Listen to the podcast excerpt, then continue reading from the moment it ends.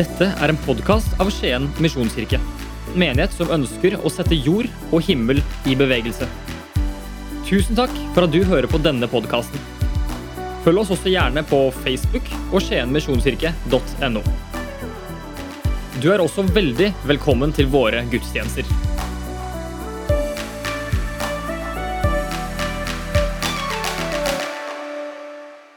Hei! Forrige søndag så feiret vi gudstjeneste sammen fysisk. På morgenen klokka 11 i barnekirken og klokka 7 på kvelden for voksne. Og ting endres utrolig raskt. Fordi Forrige tirsdag så satt vi i statsmøte og bestemte hvordan ukene frem til påske kunne se ut med fysiske gudstjenester for ulike generasjoner og ulike grupper i menigheten. Og På torsdag kveld så satt jeg i møte med møtevertene og Da kunne vi lese i avisen Varden at Vestfold ble stengt ned natt til fredag. Så endringene skjer raskt. Og er det noe vi har lært gjennom det siste året, er at endringer skjer hele tiden. Jeg har i januar og februar hatt noen uker i studiepermisjon. Fordi jeg jobber med en masteroppgave som har den foreløpige tittelen covid-19 og tiden etterpå. Hva har nedstengingen og tiden etterpå gjort med vår forståelse av hva Kirken er, og hva en pastor er? Og For å finne svar på det, så har jeg intervjuet ni pastorer i Misjonskirken Norge. Og så er det en såkalt fenomenologisk undersøkelse. og Det betyr at jeg er opptatt av opplevelsen og erfaringen som disse ni pastorene sitter med. Og det å skrive en masteroppgave er litt på samme måte som å gå på gruppetrening på cross, på sats. Det er gøy, det er mye glede, men det er også en kvalmegaranti. Sånn er det. Men jeg hadde lyst i starten å si noe som har fulgt meg de siste månedene. Fordi en av pastorene sa nemlig følgende Verdien i å komme sammen som kirke Jeg kan ikke finne ord for å beskrive det.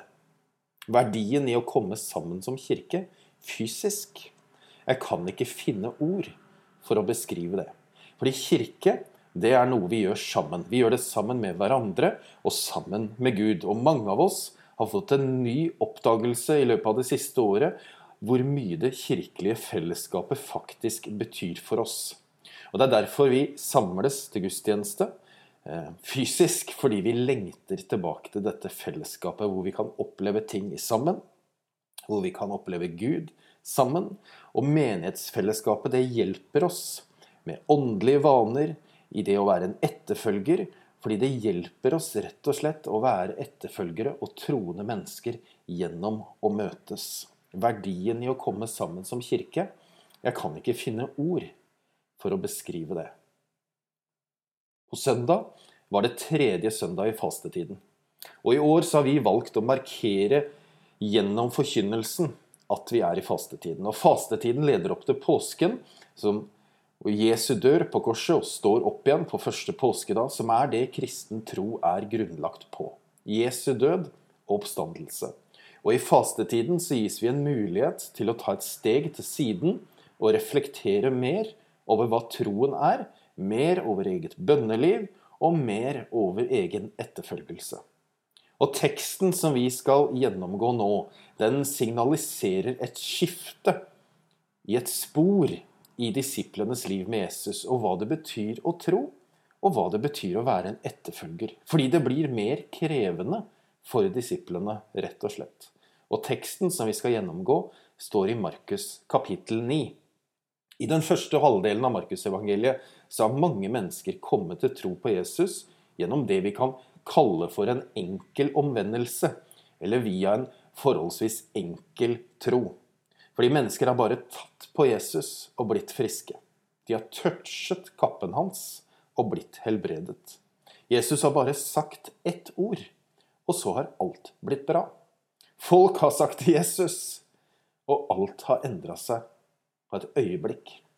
Og via en kort bønn så ga Jesus mat til 5000 menn pluss kvinner og barn. Det er ikke enkle undere, men det har virket som ganske enkelt å få det til. Eller med andre ord, ganske enkelt å være en etterfølger.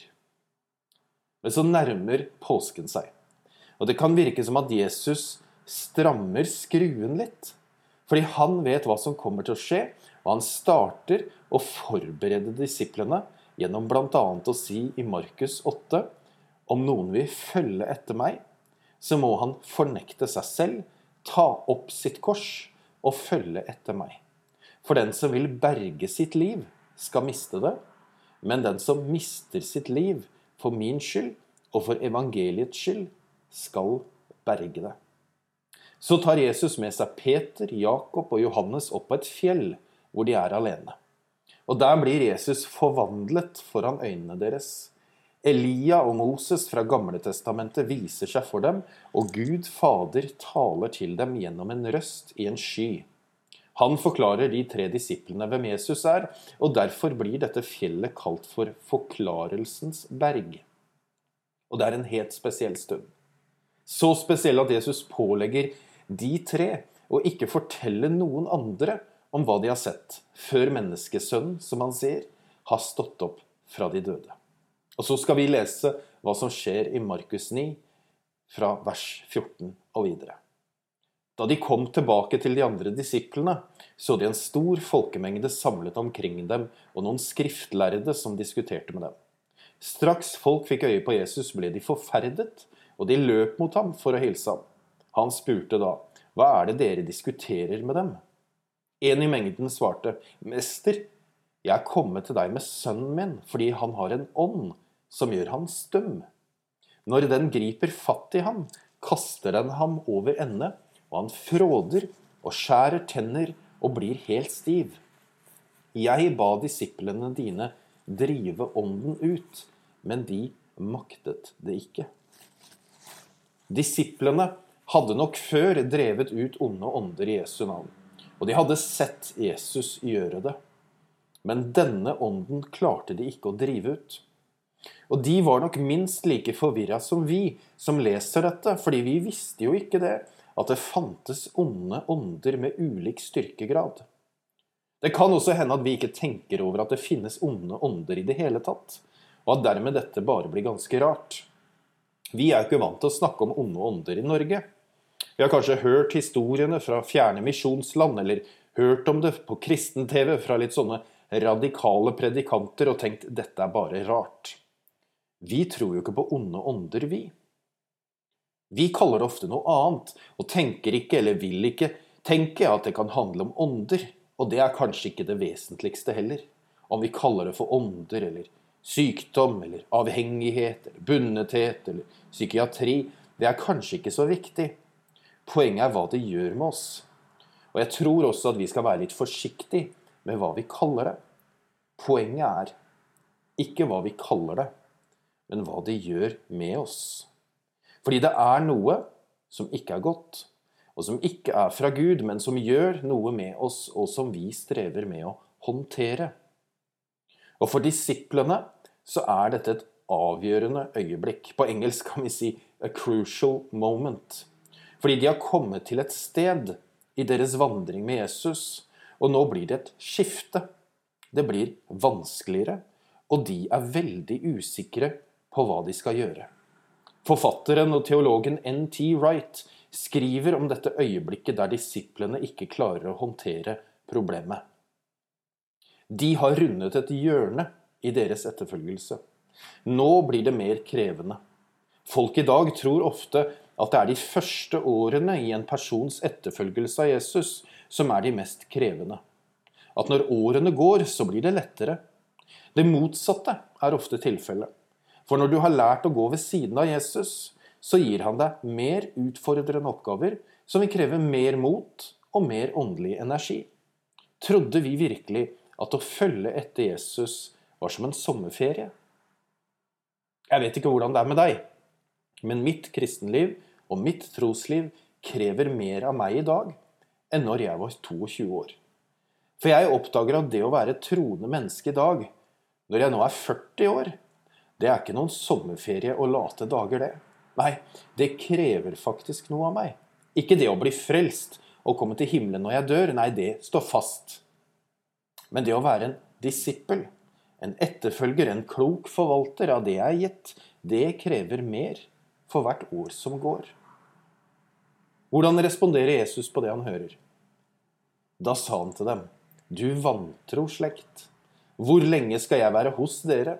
Hvor lenge skal jeg holde ut med dere? Kom hit med gutten. Det virker som Jesus er irritert. Og du ser ikke det så ofte, men du kan lese om samme reaksjon i kapittelet før.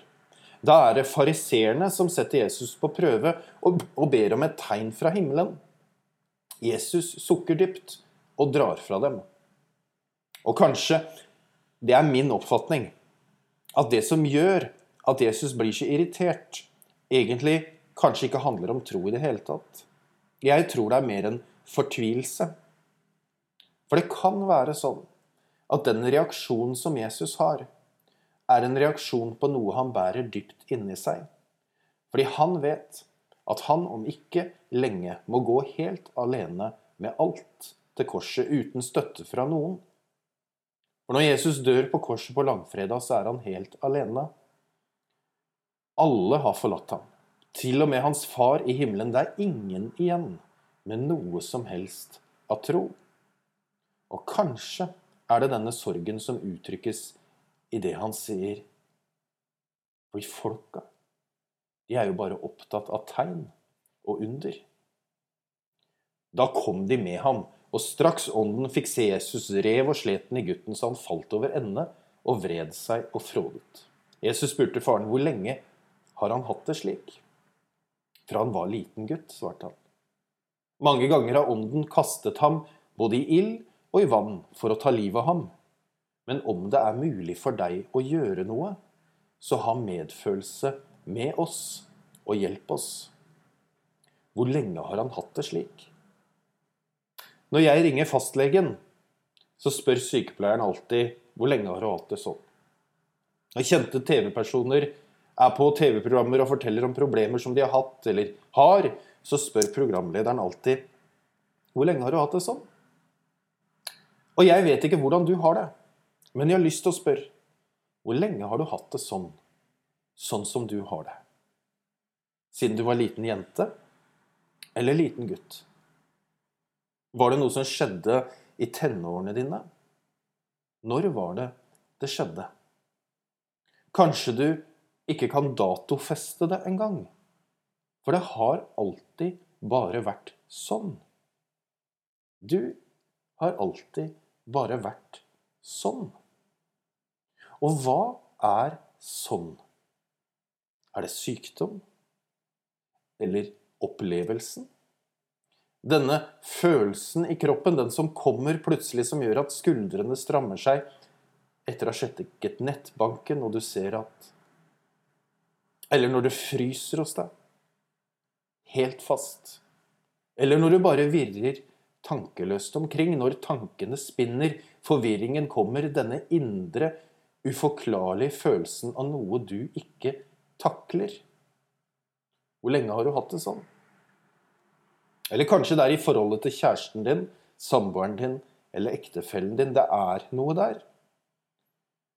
Noe som er vanskelig å sette ord på, men det bare er der og binder.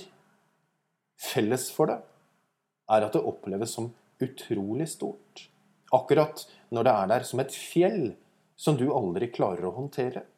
Og det kan føles som om du kastes både i ild og iskaldt vann på én gang. Hvor lenge har du hatt det sånn? Noen av oss har noe som river og sliter i oss, noe som ikke gjør oss fri, noe som er som et fjell. Men der du er nå, akkurat nå, kan du be eller rope den samme bønnen som det pappaen ba om. Om det er mulig for deg, Jesus, å gjøre noe, så ha medfølelse med meg og hjelp meg. Om det er mulig. For det føles så stort. Én ting er jo å be om at du skal finne bilnøklene, eller mobilen som er blitt borte. Men dette her, Jesus, det er som at det er en ond ånd som er her. Kan du gjøre noe med det? Om det er mulig for meg, svarte Jesus. Alt er mulig for den som tror. Jesus sender spørsmålet tilbake i retur om det er mulig for meg. Hvor er troen din, da? Tror du på meg, eller tror du ikke? Tror du meg for bilnøkler og mobiltelefoner eller bønnesvar som du nesten lager selv? Eller tror du faktisk at jeg er Gud? Straks ropte guttens far, 'Jeg tror, hjelp meg i min vantro'. Og pappaens ord, det er et rop fra dypet om hjelp. Og det er en miks mellom tro og fortvilelse, fordi vi tror at Jesus er Guds sønn. Vi tror at han har all makt, men samtidig, og det er det som vi kan kalle for troens paradoks, så skifter vi mellom tro og tvil. Vi tror på Gud for noen ting, mens andre ting er vi mer tvilende til. Og det du tror på Gud for, er annerledes enn for andre. Jeg har et behov for å parkere en ting i forhold til dette bibelverset her. Og Jesus sier alt er mulig for den som tror. Fordi opp igjennom, men også i dag, så har og er dette bibelverset blitt brukt mot mennesker slik at man skal tenke at dersom man bare tror nok, så vil man kunne helbrede enhver sykdom, og man vil kunne bli helbredet for enhver sykdom. Når man mislykkes, er det altså fordi man ikke tror nok. Og hvis tvilen kommer, så kan du bli syk igjen etter å ha vært frisk. Med andre ord at sykdom er et tegn på en mangelfull, fraværende eller tvilende tro. Men Jesus viser oss en helt annen virkelighet i møte med denne pappaen. Fordi han som roper 'Jeg tror, hjelp meg' i min vantro, det er ikke en sikker mann med fjellstø tro.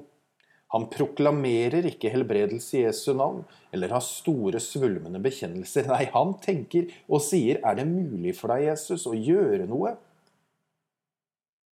Han er ikke engang sikker på om Jesus kan. Men likevel tror han nok til at sønnen blir fri fra den onde ånden. Hvorfor det? For det er ikke et spørsmål om størrelse eller styrke på troen din eller min. Det er ikke hans eller din eller min prestasjon av tro, proklamasjon av tro eller oppramsing av bibelvers og løfter i Bibelen som betyr noe. Det som betyr noe, er hva og hvem han tror på. Fordi pappaen trodde nok til å gå til Jesus med problemet sitt. Og går du til Jesus med problemet ditt, så er det nok tro. Du trenger ikke å være 100% sikker, og hvem er nå det? Du trenger bare å tro akkurat så mye at du går til Jesus med problemet og sier 'Her er det'. Kan du ta hånd om det? Tro er nemlig å hvile i at det finnes et sted, det finnes en person, det finnes en Gud å gå til med det som er vondt og vanskelig, der Guds kjærlighet er, Guds kraft er, og Guds vilje er det som er avgjørende. Ikke din trosstyrke.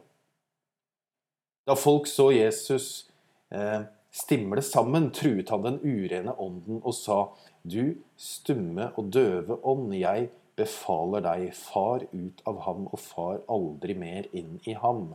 Da skrek den høyt, slet voldsomt til gutten og for ut. Gutten lå livløs, og alle sa at han var død. Men Jesus tok ham i hånden og hjalp ham opp, og han reiste seg. Jesus tok ham i hånden, hjalp ham opp, og han reiste seg. Et aldeles nydelig vers. I kristen tro, i et kristent liv, så faller vi, gjør feil, og så tar vi imot hånden til Jesus, som reiser oss opp igjen, igjen og igjen og igjen. Der du sitter nå, så vil Jesus så inderlig ta deg i hånden, hjelpe deg opp, slik at du kan reise deg. For han vil så inderlig hjelpe deg. Hvis du trenger at Jesus tar deg i hånden, så står han foran deg akkurat nå, rekker ut sin hånd, og du kan ta imot den hvis du vil. For han er der du er. Noen av oss trenger en ekstra berøring av Jesus i dag. Fordi det har vært tøffe tider, og vi har glidd ut. eller det har dukket opp noe som vi ikke vet hvordan vi skal håndtere, og vi roper 'hjelp oss'. Herre, vi tror, men hjelp oss i vår vantro. Og vi er på ulike steder. Men vi trenger Jesus. Vi trenger berøringen. Vi trenger nærheten. Og vi trenger omfavnelsen.